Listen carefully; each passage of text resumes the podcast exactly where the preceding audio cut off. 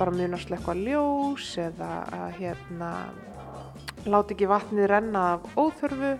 Þetta er mikið að hugsa og pæla hérna. Hvernig við göngum við þottavélarnar okkar? Og uh, reynum að hvetja að hengja þottin alltaf út. Og við erum reynda með þurrkarbygginni þegar að rigningin er mikil og svo leiðis en við erum með þurrkara líka. En þá líka bara að fara yfir hvernig við notum hann. Hvernig, hvernig getum við spórnað að, uh, að setja allt í þurrkaran Þannig að þið farið að mæla með að fólk fara að byggja sér þurrkherbergi í, í hýpilum landsins. Já, fyrir þvottin sinn? Nei, allt út. Alltaf allt út. Að leggjast upp í rúm með sko úti þurrkuðum rúmfötum, það er eitthvað sem allir eiga að gera. Alltaf í lífinu. Algjörlega. Hvað er svona merkilegt við það að vera karlmaður? Er það eitthvað sérstak? Hvað er svona merkilegt við það að bóri veg? Með lakk og dekker, hvað er svona merkilegt við það að bera áburð að póka, viltu gleri komplekt? Hvað er svona merkilegt við það að taka upp vél? að vinna á liftara ekkert má Hér heyrði við Bryndisi Fíunu Ford, skólamistara Hallamstaðskóla, komin okkur heilræði í heimilsregstri. Ég rætti við hana um gamla húsmæranámið á Hallamstað og hvernig það hefur áhrif á nýja námskar skólans sem er í dag orðið 60 einingar lánsæfi námi í skapandi sjálfbarni. Við heyrum meira frá Bryndisi í þætti dagsins á húsmáran erindi inn í framtíðina. Kæri hlustendur, velkomin í fjörða og síðasta þáttinn um húsmaður Íslands. Ég heiti Sigurbjörgin Holmastóttir og ég er sagfræðingur, eiginkona og móðir. Nafnskólans núna er Hallónstæðaskóli sem er í rauninni fyrsta nafnskólans og er á öllum skólaspjöldum alveg til 1960 og námið var samt húsmaðuraskóli og þess vegna bar skólinn lengi vel nafni húsmaðuraskólinn á Hallónstað. Síðan í jafnbreyttisbarátunni að þá var nafninu breytt í hússtjórnarskóli og átt að höfða til begja kýna. Síðan var það tekið eitt enn skref þar sem að var bætt við handverks og hússtjórnarskólinn á Hallónstað. Þannig að minnsti framhalskóli landsins var komið lengsta nafn sögunar eflaust.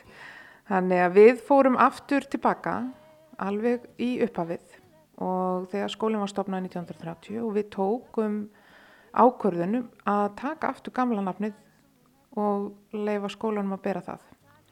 En þessi nafnabreiting var líka hluti því að við fórum að breyta áherslum í námi og komið nýtt nám og lögðum núna niður hústjórnar námið í þeirri mynd sem það var orðið til dagsins í dag. Og nýja námi hjá okkur núna er með áherslu á sjálfbærni og sköpun. Þannig að við erum búin að vera að dusta rikið af bara námskarunni frá 1930 og taka það besta þaðan hvernig þau unnu eh, með ráöfnið, íslenska ráöfnið, hvernig var að hafa ekki stórveslanir, alla þessa miklu bara neyslu sem við höfum í dag og hvernig getum við breytt þessu. Og við vitum að sjálfbærni er það sem er komið til að vera. Við þurfum að vera miklu, miklu meira vakandi fyrir því hvernig við getum orðið sjálfbærari. Og við Íslendingar eigum náttúrulega heimsmynd í mörgu og við, mér skilst á sjálfbærni sérfræðingum að, að hver Íslandingu, að við erum að nota, semst ef allir myndu lifa eins og Íslendingar lifa í dag, þá þyrtu við 14 jarðir, eða semst nöttin, 14 sinnum. Þannig að Íslendingar er, eru hérna, mikil neyslu þjóð. Það eru tölur á við eins og í textíl að þá eru við að kaupa 17 kíló á ári á mann og hendum 13 kíló á ári. Og hvernig getur við spórna við þessu? Og við erum að vekja til umhugsunar bara alla sjálfbærni hugsunina þar að segja bæði menningalegt, umhverfislegt og efnahagslegt. Og hvernig þetta allt heldur saman En sjálfbærni er bara svo miklu, miklu, miklu meira heldur en nokkuð tíman ykkur sem við kannski tengjum mest við umhverfismál, loftlagsvá, eh, þetta er miklu, miklu meira. Og við erum að reyna að endurvekja aðferðir eins og súrdegsbakstur sem er æfa gömul aðferð. Eh, við erum að fara í heimavinnslu með mjölkurafurðir. Þannig að hér í mötunöyti skólans þá fáum við eh, mat frá helst þeim sem eru hérna stand okkur næst, smá framlegundum á svæðinu og við förum líka bara svolítið sjálf út og sækjum þetta. Við vinnum mjölkina sjálf, við búum til okkar skýr sjálf, þannig að skýri hjá okkur það er í klút á trésleif og misanlegur úr því þannig. Þannig að við erum bæði að reyna að endurvekja þetta og sína þetta og það sem er mikilvægast er að halda í lifandi handverkið frá manni til manns. Og það er eitthvað sem maður má líka ekki glatast og það er menningarlutin í sjálfbarninni sem er okkur bara held í ómetanlegt og við vitum það að elsta kynnslóðum þó hún sé að verða öll eða yfir hundra ára í dag, við lifum svo lengi að við munum fara á endanum og með þeim fer þekkingin.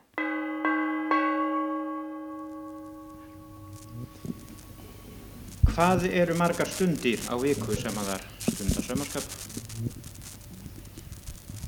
36 stundir á viku? Já, það er ekki svo lítið, það er eftir að geta sögmað eitthvað þegar það eru komnar í húsfröðustöðuna. Já. Fyrst til að byrja með var, sko húsmaður að námið hérna á Íslandi var engöngu fyrir konur. Þetta var líka ofta eina námið sem þar gáttu farið í og svo var náttúrulega tekið þessi skrefa að, að leipa konum inn í framhaldsskólakerfið eða mentaskólana og háskólana og þetta allt og það, þetta er, ef maður horfið tilbaka á söguna þá er þetta rosalega stutt síðan hvernig uh, kynjaskiptingin var í þessu. Í dag er náttúrulega skólinn ofin fyrir alla og við vitum það að það er ekki bara lengur talað um konur og kalla í dag, þetta er orðið endalus flóra í, í, í, því líka. Þannig að e, þetta er ekki bara fyrir konur og það er ekki bara konur sem eiga að, að standa undir því að vera að halda heimilum og, og vera sjálfbær. En e, húsmæður þetta var starfstitill þú fóst í þetta virðulega nám þetta var tveggjara nám, þetta var bóklegt og verklegt og þegar þú útskrifaðist þá ættir þau að, að hafa hæfni og færni til þess að reka eila nána stórbú. Og í dag þurfum við að skipta þessu örgla niður í mörg svið, mörg háskóla eða bara eins og Georg saði, fimm háskólagráður sem að búa kannski á baku þessari mentun í dag. Við erum svona að reyna að endurvekja eitthvað af þessu og tengja okkur við líka uh, háskólana. Tengja okkur við uh, kannski mest líka atvinnulífið Góðan daginn. Nú er komið vetur og vonandi hafa allar húsmaður einhvern vetraforð af mat og á ég þar ekki aðeins við kjöt og fisk heldur einnig alls konar gardávexti og ber. Þeir sem ræktuðu grænkáli í sömar eiga þá vonandi enn í görðin sínum. Grænkáli er mjög holdt og auðugt af A og C vitamínu og nú skulum við þið borða það daglega saman við skér eða skjörfæru. Við leggjum gríðarlega mikla áherslu á að borða mikið grammiti hérna. Eh, við erum með fisk og kjöt líka en við göngum svona, við hugsun svolítið um öðlindina. Við hugsun svolítið um bara svona siðfræði náttúrunitjana. Líka bara einhvern veginn að kynast því að við fáum fisk eh, einu sinni í viku og fáum hann heilan þannig við vinnum með allan hlutan af fisknum og eh, ein, eina vikuna núna var bræla og þá fengum við ekki fisk og það er líka svolítið svona hluti af þessu að þetta er bara ekki alltaf aðgengilegt. Ég held að frá námskránni frá 1930 sé ekki margt sem við myndum henda út. Ég tel að það er sér meira sem við erum meila að fara að dusta ríkja af. Sigrun Blöndal sem stopnaði skólan, hún uh, skrifaði fyrstu kennslubókuna á íslensku í vefnuði með vinkonu sinni Haldur Bjarnar En það sem kannski færri vita er að hún skrifaði líka fyrstu kennslubókina í matar efnafræði og uh, það er þetta sem að uh, við viljum svona svolítið endurvekja og, og, og það er líka þetta að fræðilegu hlutin og skilningurinn á eins og efnafræði að hann er alveg jafn mikilvægur þegar við erum að vinna með ráafnið. Við erum búin að vera í júrtalitu núna, þannig að við erum búin að vera líka að dusta reiki svolítið af því og, og Nemyndur eru svona að taka þetta stundum áfram, þeir eru búin að vera júrtalit eitthvað gafn og eru núna sestið við vefstólana vefur því. Þannig að uh, þegar uh, við erum að vefa með eitthvað svona að þegar að stikkið er tilbúið að þá er ákveðin saga og leiðu það komin saga þá verður meiri verðmætt í hlutnum og þú heldur lengur í hann og þú verðmættur hann meira. Að vita að ullin í þessum trefli kemur frá eh, rollin á bænum þínum. Og hún hafði átt svona mörg lömp og, og ullin hennar hafði alltaf verið svo hvít og falleg. Að þú hafi svo júrt að lita hlutafinni, blanda hennar saman og ofið hennar fallega trefil að þegar þú setur þennan trefil um hálsin að þá hugsaður um þess að sögu. Og þú hugsa líka vandlega um ef þú ætlar að fara að henda honum því að litirnir ekki lengur í tísku og ætlar að kaupa í nýjan trefil þá gerur það ekki. Þannig að uh, við setjum svona ákveði verðgildi inn í það sem við erum að gera með því líka að hafa söguna með. Og alveg eins í matnum að það fylgir því saga. Ég fór hérna upp í hlýð, ég fór upp á heiðu og ég náði í þetta. Og ég vann þetta og þess vegna bræðst þetta kannski betur. Eða þú gengur öðru í þessu um hráöfni heldur en ef þú hefði kæft átt í búð.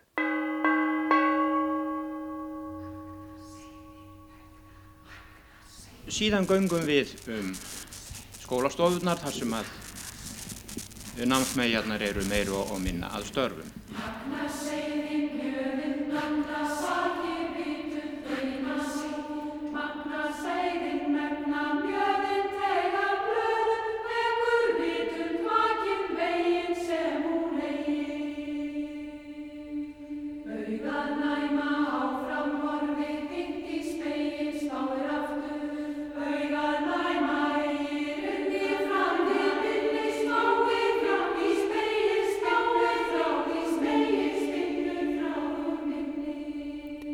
Ég fekk Sigrun Höllu Unnarsdóttur, vinkonu mína og fatahönnuð með mér í göngutur til að ræða málinn.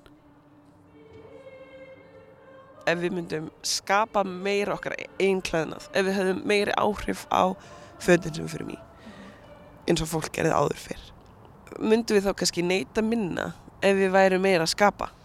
Alveg klárlega og ég hef oft hugsað til þess hérna, því líka núvitundin sem hefur verið í gangi hjá þessu fólki sem er að gera algjörlega frá grunni af því þú bæði ert að gera eitthvað þú veist, ert með þín eigin rollu og, og, hérna, og þú ert að rýja rolluna og þú ert að spinna bandið og prjónur því að vefa að þú hugsaður öðruvísi um flíkina, ekki það að ég hef gert þetta alls saman en, en hérna þú hugsaður öðruvísi um flíkina það er meiri kærleiki, það er tenging og það er það sem að fata hennir í dag er alltaf að, að, að reyna núna að, að leif, láta fólk upplifa það er þessi tenging við fötinn svo þið ekki væntum að þú þurfir ekki meir og þú þarft ekki tíu skýrstur, þú þarft bara eina.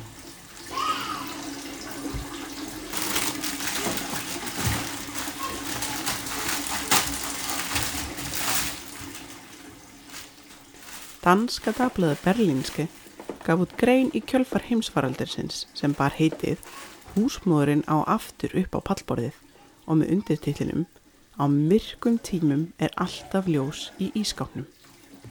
Í greininni var rakið hvernig fólk hafi leitað aftur í gamle heimilsverkin í kjölfar faraldursins. Samfélagsmiðlar fylltust af myndum af prjónalesi og sultuðu grammiti og bóksalar seldu heilu bílfarmana af bókum um súrdeg. Greinin herst á setningunni. Heimsfaraldun sendi okkur ekki bara heim, hann sendi okkur líka í hústjórnuna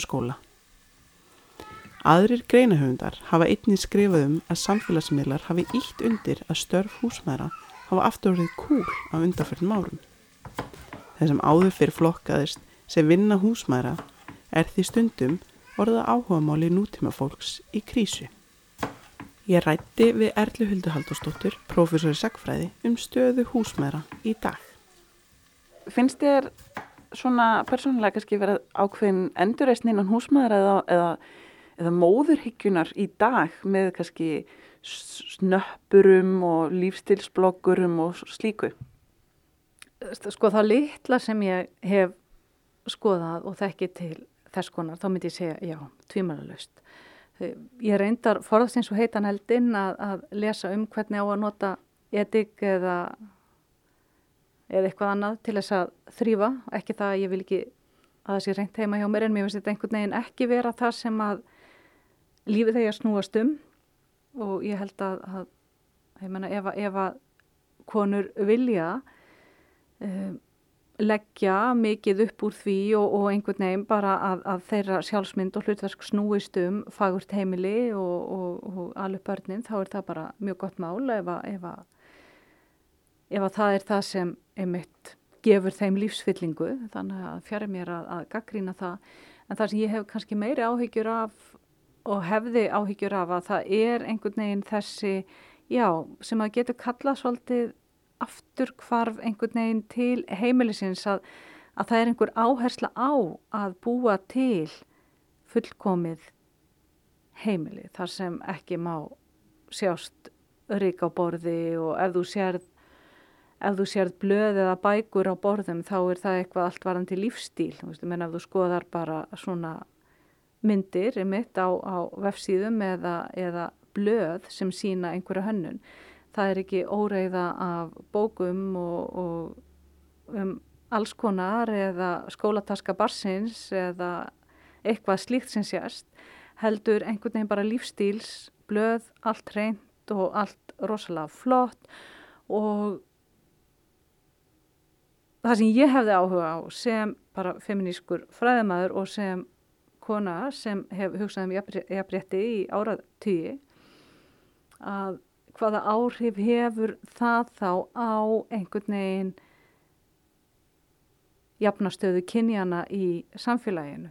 Ef að þetta er bara samægilegt áhuga mál einhvern veginn og, og, og hjón vinna saman eða sambílis aðilar að, að þessum störfum þá held ég að það sé bara þið besta mál en ég hef pínu litlar áhyggjur af þessari svona eldhús heimilis dyrkun sem er í gangi og ég hugsa hana líka svolítið í samengi við bara útlitsdyrkun líkamanns sem er haldið mjög stíft að konum og ekki síst ungum konum. Allir þetta sé þá, það er oft talað í, í svona í kvenni og kynjasögu um að það koma oft bakslug. Getur við verið í, í slíku bakslægi? Á sömuleiti held ég að við séum í slíku bakslægi, já. Og ég held að stundum gerir fólk sér ekki grein fyrir því hvað þetta er ótrúlega stuttur tími sem að konur, þar sem konur hafa haft fyrir lögum, jafnan rétt á við Karla það er bara, meina, amma mín föðuramma mín var fætt á 19. öld, rétt fyrir aldamóti 1900 og þegar íslenskar konur fá kostningarétt 1915 og þegar fyrst er kosi 1916 þá er hún ekki orðið nógu gömul til að, að fá kostningarétt og raunar þegar hún fær kostningarétt þá 1920 þegar hann er færðu niður þá er hún búin að vera gift kona í hvað fjögur ár og tvö bönn og þetta er einhvern veginn ótrúlega stutt og mér finnst og þá erum við kannski aftur komin í svolítið annað en það er þetta bakslag það snýst svolítið líka um það að það er einhvern veginn eins og sé verið að reyna að setja konur á sinn stað aftur. Og þá spyrir maður eru það heimilin, eru það eldhúsin? Hvar eiga er að vera? Eiga er kannski bara að vera æðislega sætar með fallega hárgreislu og augskugga og svundu í eldhúsinu? Að elda sætar rétti og stingu upp í sig eins og nætjala eða eitthvað svo leiðis og verður sexy í eldhúsinu það er eins og konur hafi í augum sömur orðið of háværar það er að verið of frekar og man, fólk er að tala um þetta það er búið að skrifa um þetta mjög skemmtileg bara lítil fræðiritt þar sem er verið að rekja í rauninni í sögulegu ljósi hvað er lengi búið að segja haldu kæft og verður sætt við konur og það er og einhvern veginn hvernig er verið að reyna að íta þeim aftur í rauninni einhverju leiti allavega inn á heimilin og það er þess vegna sem ég hef svo litlar áhyggjur af því hvernig eldhús og all, allt svona er einhvern veginn teiknað upp í þessari svona uh, samfélagsmenningu sem við erum með. Og ekki það að, að við viljum ekki öll eiga flott eldhús og það sem bara fjölskyldunni hvað sem hún er stórið eða lítil og hvernig sem hún er samsett getur liðið vel en það er, svona, það er eitthvað undarlegt í gangi, ætla ég að leiða mér að segja.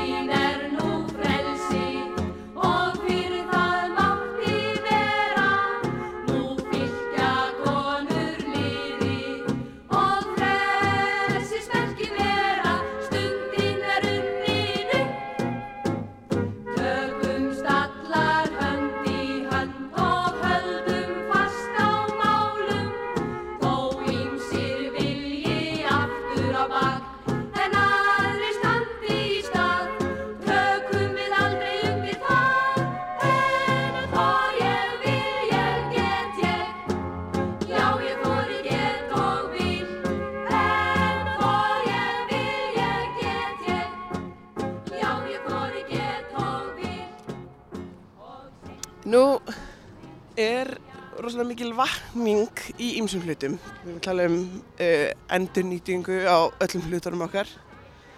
Eiginlega, klæðnaði, mat.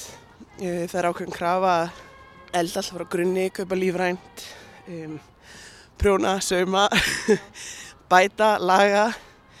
Það er líka, ekki krafa, en það er líka hugmyndir um hæglætishreyfingar uh, og það eru eitrunuleysan lífstíl. Þetta er allt úr sama húsmaðra pottinum, er það ekki?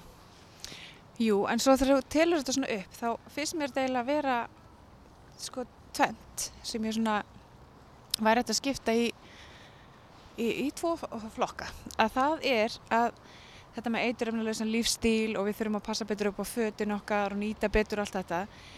Við erum náttúrulega bara komin á endastöð þar og það er bara, við erum fann að sjá það að þetta hefur bara afleggingar sem eru óaftur kræfar og við verðum að gera eitthvað. Vernda umhverfið okkar og náttúruna og gera okkur grein fyrir því. En svo er þetta líka spurning sko eins og að baka súrdeg og, og hérna sauma út. Að við erum held ég, ég held bara að líka minn sé að taka yfir að við þurfum að hæja á. Við erum að hæja á okkur og þetta er ein leið til þess að gera það. Að, þú veist, býð eftir að súrdeg hefist og við erum bara búin að vera að kæra allt og rætt á öllum vikstöðum og, og kannski er bara líka minn að taka yfir hugan og neyða okkur til þess að gera hlutin hægar því við finnum það að við getum ekki fara svona hratt mikið lengur Ég hugsa, það sko, þegar ég hugsa hans um þessa hluti, þegar við tölum um þriðvægtina og að þar falli inn í að konur séu verstjórar á heimilónum. Þannig að það séu til dæmis um fata innkaup og, og skipila á gjöfum.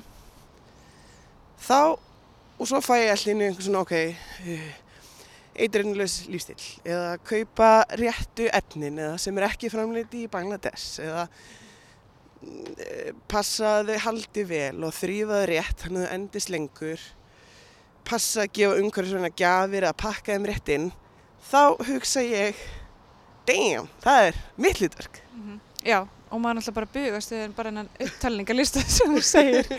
Að því maður er alltaf bara að reyna að standa sig og bara með hérna en, en þú veist, e, já. Þetta er hlutverk hvenna og þarna, þú veist, ég ætla ekkert að skafa utan því, mér finnst þess að kallar þurfa að gera sér brók. Ég veit að að kallum að nóti sem gera helling en þriðja vaktin er samt á konum. Ég held að lausnin sé að við hægjum á gerum okkur hérna raunhæfar væntingar og kröfur á mismundi skeiðum í lífin okkar og byrjum að hlusta hvaða er virkilega sem nærir mig í dag og gera meira því.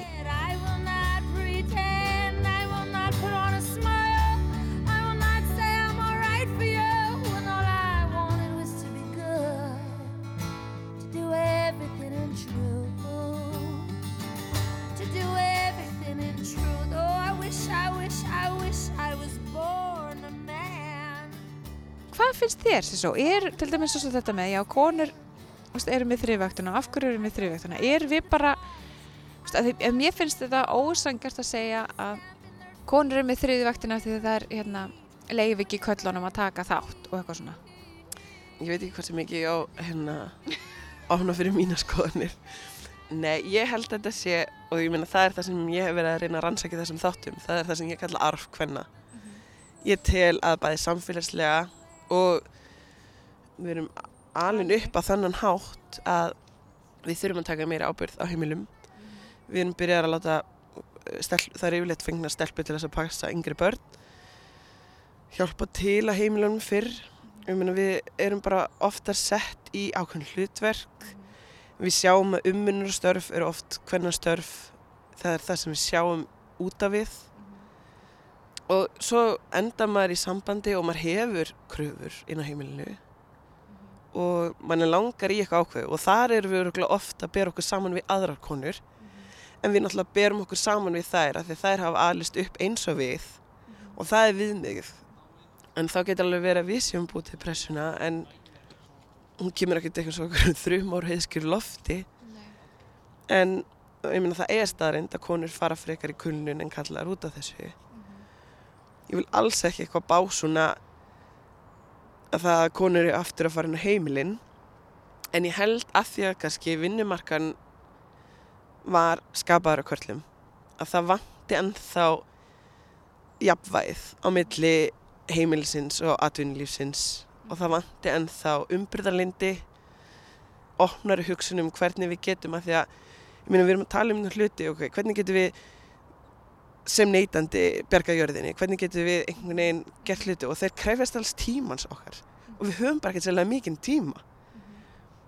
Þá þarf einhvern veginn atvinnli og samfélagið hjálp okkur. Við getum ekkert staðið einar með alltaf ábyrðina kannski þurfum við að konur að skapa samfélag þar sem fjölskyldur þrýfast, ég veit ekki.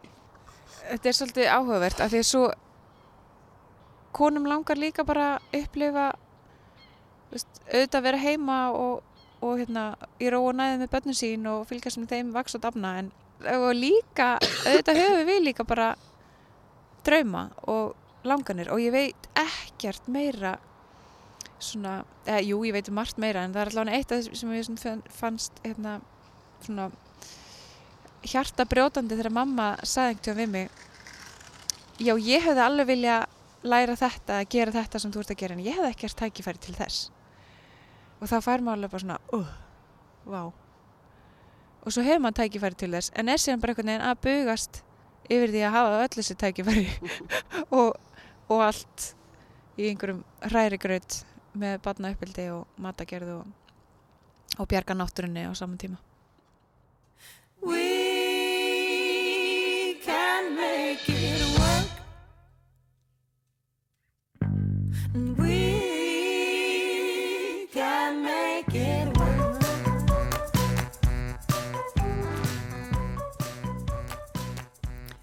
Ég spurði hana ömmu mína, hana Sigri Ólastóttur, hvort hún myndi mæla með húsmæranáminu eins og það var þegar hún var í því árið 1949. Já, það myndi ég alveg hreint. Nú annars er þetta orðið svo breytt núna, þetta er, þetta er allt öður vísi. En þó er nöðsynlegt fyrir ungar manneskur að, að vita hvað er að húsum heimili og, og fjölskyldu.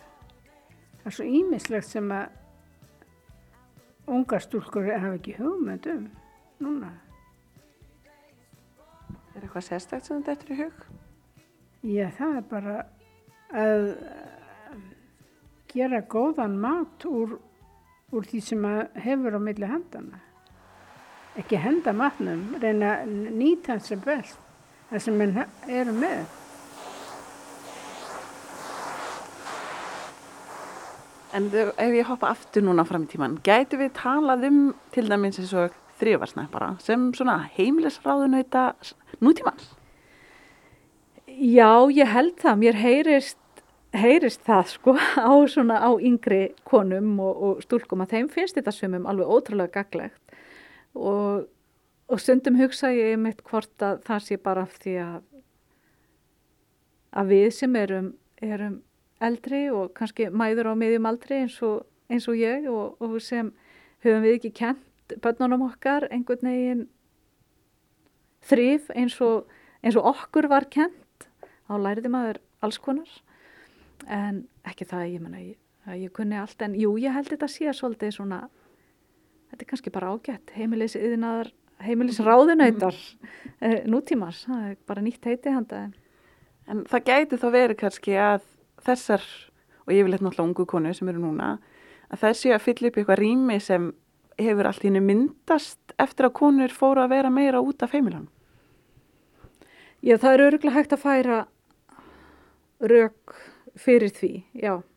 Og þú heyrir, sko, ég er alltaf mjög hikandi að, að hérna, segja eitthvað já við svona því ég er einhvern veginn alltaf svo hrættum að þá bara lendi þá einhvern veginn síðan við komnar í þessar ógöngur að, að segja já það fór allt í fjandans þegar konur afsakið að maður, ég nota þetta orð, en það fór, jú, jú, allt til fjandans þegar konur fór út af heimilónum. Það er hægt að þrýfa, hægt að læra að þrýfa og enginn hugsaðan um börnin og svo framvegis og svo framvegis. En, en það er náttúrulega ekki þannig heldur, heldur er þetta reyndar ótrúlega heitlandi og, og spennandi saga í rauninni sem snýstu um það hvernig við svona hugsum um heimilið í víðum skilningi og þá í rauninu bara það sem er næst okkur af því heimilið snýstu þetta ekkert bara um það að þrýfa eða þrýfa það heldur líka einhvern veginn hvernig við búum að og, og hugsa um fjölskyldun okkar inn á því heimili. Og þar þarf einhvern veginn öllum að, að geta liðið vel og ég held að það sé það kannski sem er búið að vera svolítið í, í gangi í, rauninni kannski frá ómunna tíð en samfélagur eru þetta alltaf að breytast ég held á 20. stöld svona kannski sérstaklega hefum við verið að einhvern veginn leita að þessu í jafnvægi og, og við konur kannski sérstaklega hvernig getum við gert allt af því að við viljum auðvitað fá að vera frjálsar og, og vinna utan heimilis og ef við viljum og ment okkur til það sem við viljum og hvað sem það er bóklegt yfir nám eða jáfnvel í, í, í húsmáðurfræðum einhverjum. En við leiðið mitt viljum við gerðnan margar uh, fá að einmitt njóta þess að, að eiga fjölskyldu og jáfnvel börn og, og þá er það spurningin hvernig kemur þetta allt svona fyrir allt heim og saman og á þessum stutta tíma sem er liðin kannski frá því sem mikla bylting var að konur fór að fara út af heimilunum að þá er jáfnvægi kannski ekki að öllu leiti komið. Og þetta eru allt líka störf og eins og svona umönnunastörf eins og allt sem við kemur hjúgrun, læknisfræði og, og hvers konar svona líknarstörfum að það voru líka svona með þessum fyrstu störfum sem konir í rauninni fengu að takast á við þegar þeir voru að stíga svona út fyrir þessi hefðbundu hlutverk að vera móðir og húsmóðir, eigin kona af því að, og kennslustörfin, af því að þetta þótti alveg henda þessu svokallaða kvenlega eðli, umhyggja, ummönnun. Og þess vegna er engin fyrða kannski að konur áttu alveg greiðilega stóran þátt í því að byggja velferðarkerfi hér á landi með í gegnum kvennfélög, með því að, að standa fyrir byggingu alls konar hjúgrunaheimila, elliheimila, e, leikskóla og þessara dagheimila og, og ég veit ekki hvað, hvað til þess að og svona í og með til að, að létta álægið á heimilónum af því að hverju voru það sem hugsuðu um börn inn á heimilónum, hverjir hugsuðu um veikt fólk, gamalt fólk inn á heimilónum, það voru allt konur. Og það er áttuðu þetta erfitt með að ráða við það allt ásand því að bara reyka heimili með kannski mörg börn og eigin mann og allir þurftu sitt. Myndur þú segja að þetta hafi verið gefandi starf, fólk hafi verið þakklátt fyrir það sem þú gerði fyrir það? Já, ég held það. Þér finnst fólk hafa, flestir hafa svona tekið eftir því sem þú gerðir, þetta var ekki svona ósynleg vinna? Nei, ég held ekki. Það var alltaf að tala um okkur bæði einu. Það var alltaf að tala um Magnús og Sigriði, eða Magga og Sigga. Eila bæði alltaf, ef annað var til umræðu þá Þetta, þetta finnst mér svona dálta skrítið. en ég er ána með það.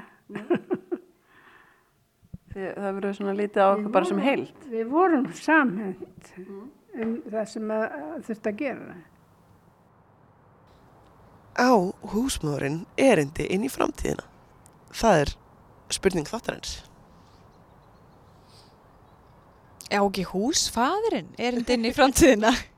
Húsfólk. Húsfólk, alveg klárlega af því að Já, ég held að húsfaðurinn og húsmóðurinn eiga erindi inn í framtíðina af því það er í þessum verkum og það er í þessari samveru inn á heimilinu sem er kannski ekki það kannski ekki að segja þegar maður sé að endilega setja í uppdagilina með þessi samvera en það er samt nærvera við hvort annað og það er að gera hlutina hægt, það er að baka brauð, það er að dúlast yfir matnum um, sem að tengir okkur nær okkar einsta kjarna.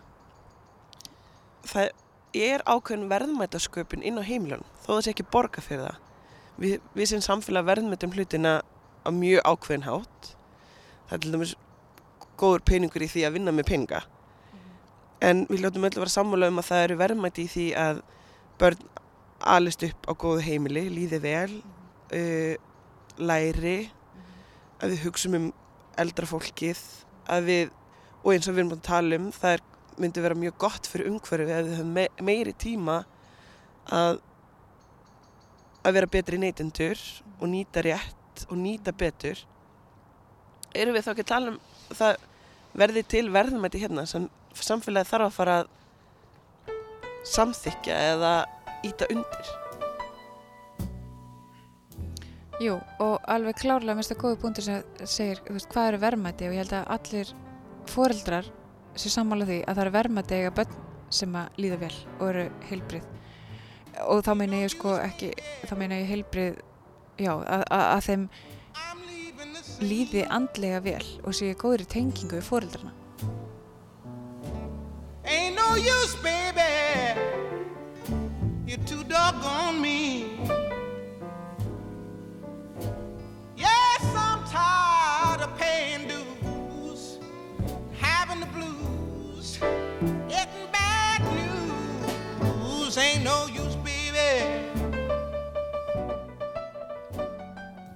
Ljúkum þættinum á orðum dýrlegar Árnóttóttur en hún gaf út greinina Hver verður réttarstaða konunar í Íslenska líðveldinu í tímaritinu Melkorku á sjálfstæðis árunni 1944. Við gerumst meira að segja svo djarfar að láta okkur dreyma um að Íslenska líðveldið muni ef til vill fær okkur fyrir eða síðar fullt frelsi, fullt sjálfstæði, sömu laun fyrir sömu vinnu og þá aðlýningu sem þarf til þess að við getum notað kraft okkar sem frjálsir og óháðir samfélagstegnar og í senn eigin konur, húsmæður og mæður. Kvílik orka fer ekki forgörðum í okkar litla menningarsamfélagi meðan megin þorri kvenna má hýrast í eldúsum sínum langa æfi. Gáfu konur, snillingar, skáld, konur sem unnið gætu afreik á ýmsum sviðum menningar og tækni ef að þeim væri hlúð og þær fengju aðstöðu til að verja tíma sínum að nokkur leiti til sinna hugðarmála. Konur vinna enn fyrir svo smánarlegum launum samanborið við aðrar vinnustjættir að þeim er ofviða að vera í senn fyrir vinnur heimila, eigin konur og mæður. Venjulega verða þær að velja um annað hvort, neyta sér um annað hvort. Með í Íslenska líðveldinu takast að leysa þessa þraut og veita konunni fullkomið jafnbritti við kallmannin. Þá mun okkar kæra land verða besta land í heimi. Kæri hlustendur, takk fyrir samfélgina síðusti vikur. Þetta var fjörði og síðasti þátturinn í seríunni Húsmaður Íslands. Ég heiti Sigurbjörg Eilín og ég þakka kærlega fyrir mig. Honum finnst ég vera flottust hér á jörg Ef ég samsinni hans skoðun út í eitt? Og meiri háttar seg ekki neitt. Og æðislega sérmyrandi pía. Honum finnst ég vera frek og kröfu hörð Ef ég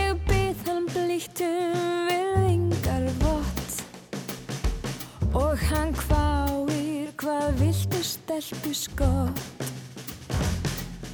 Og skilin auðmast hvað ég er að segja. Hvers vegna hrútur betri en kind? Og er þá hjörstur merkar en hind? Við heikarshörnin heimskir sitja en Er lít á konu Um,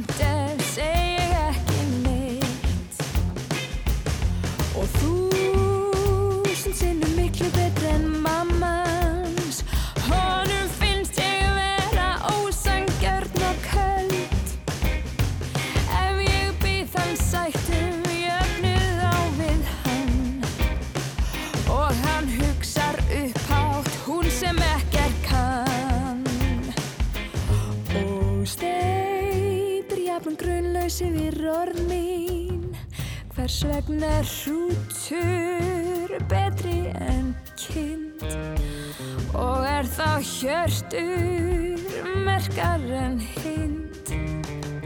Við heikars hornin heimskir sitja en er lít á kó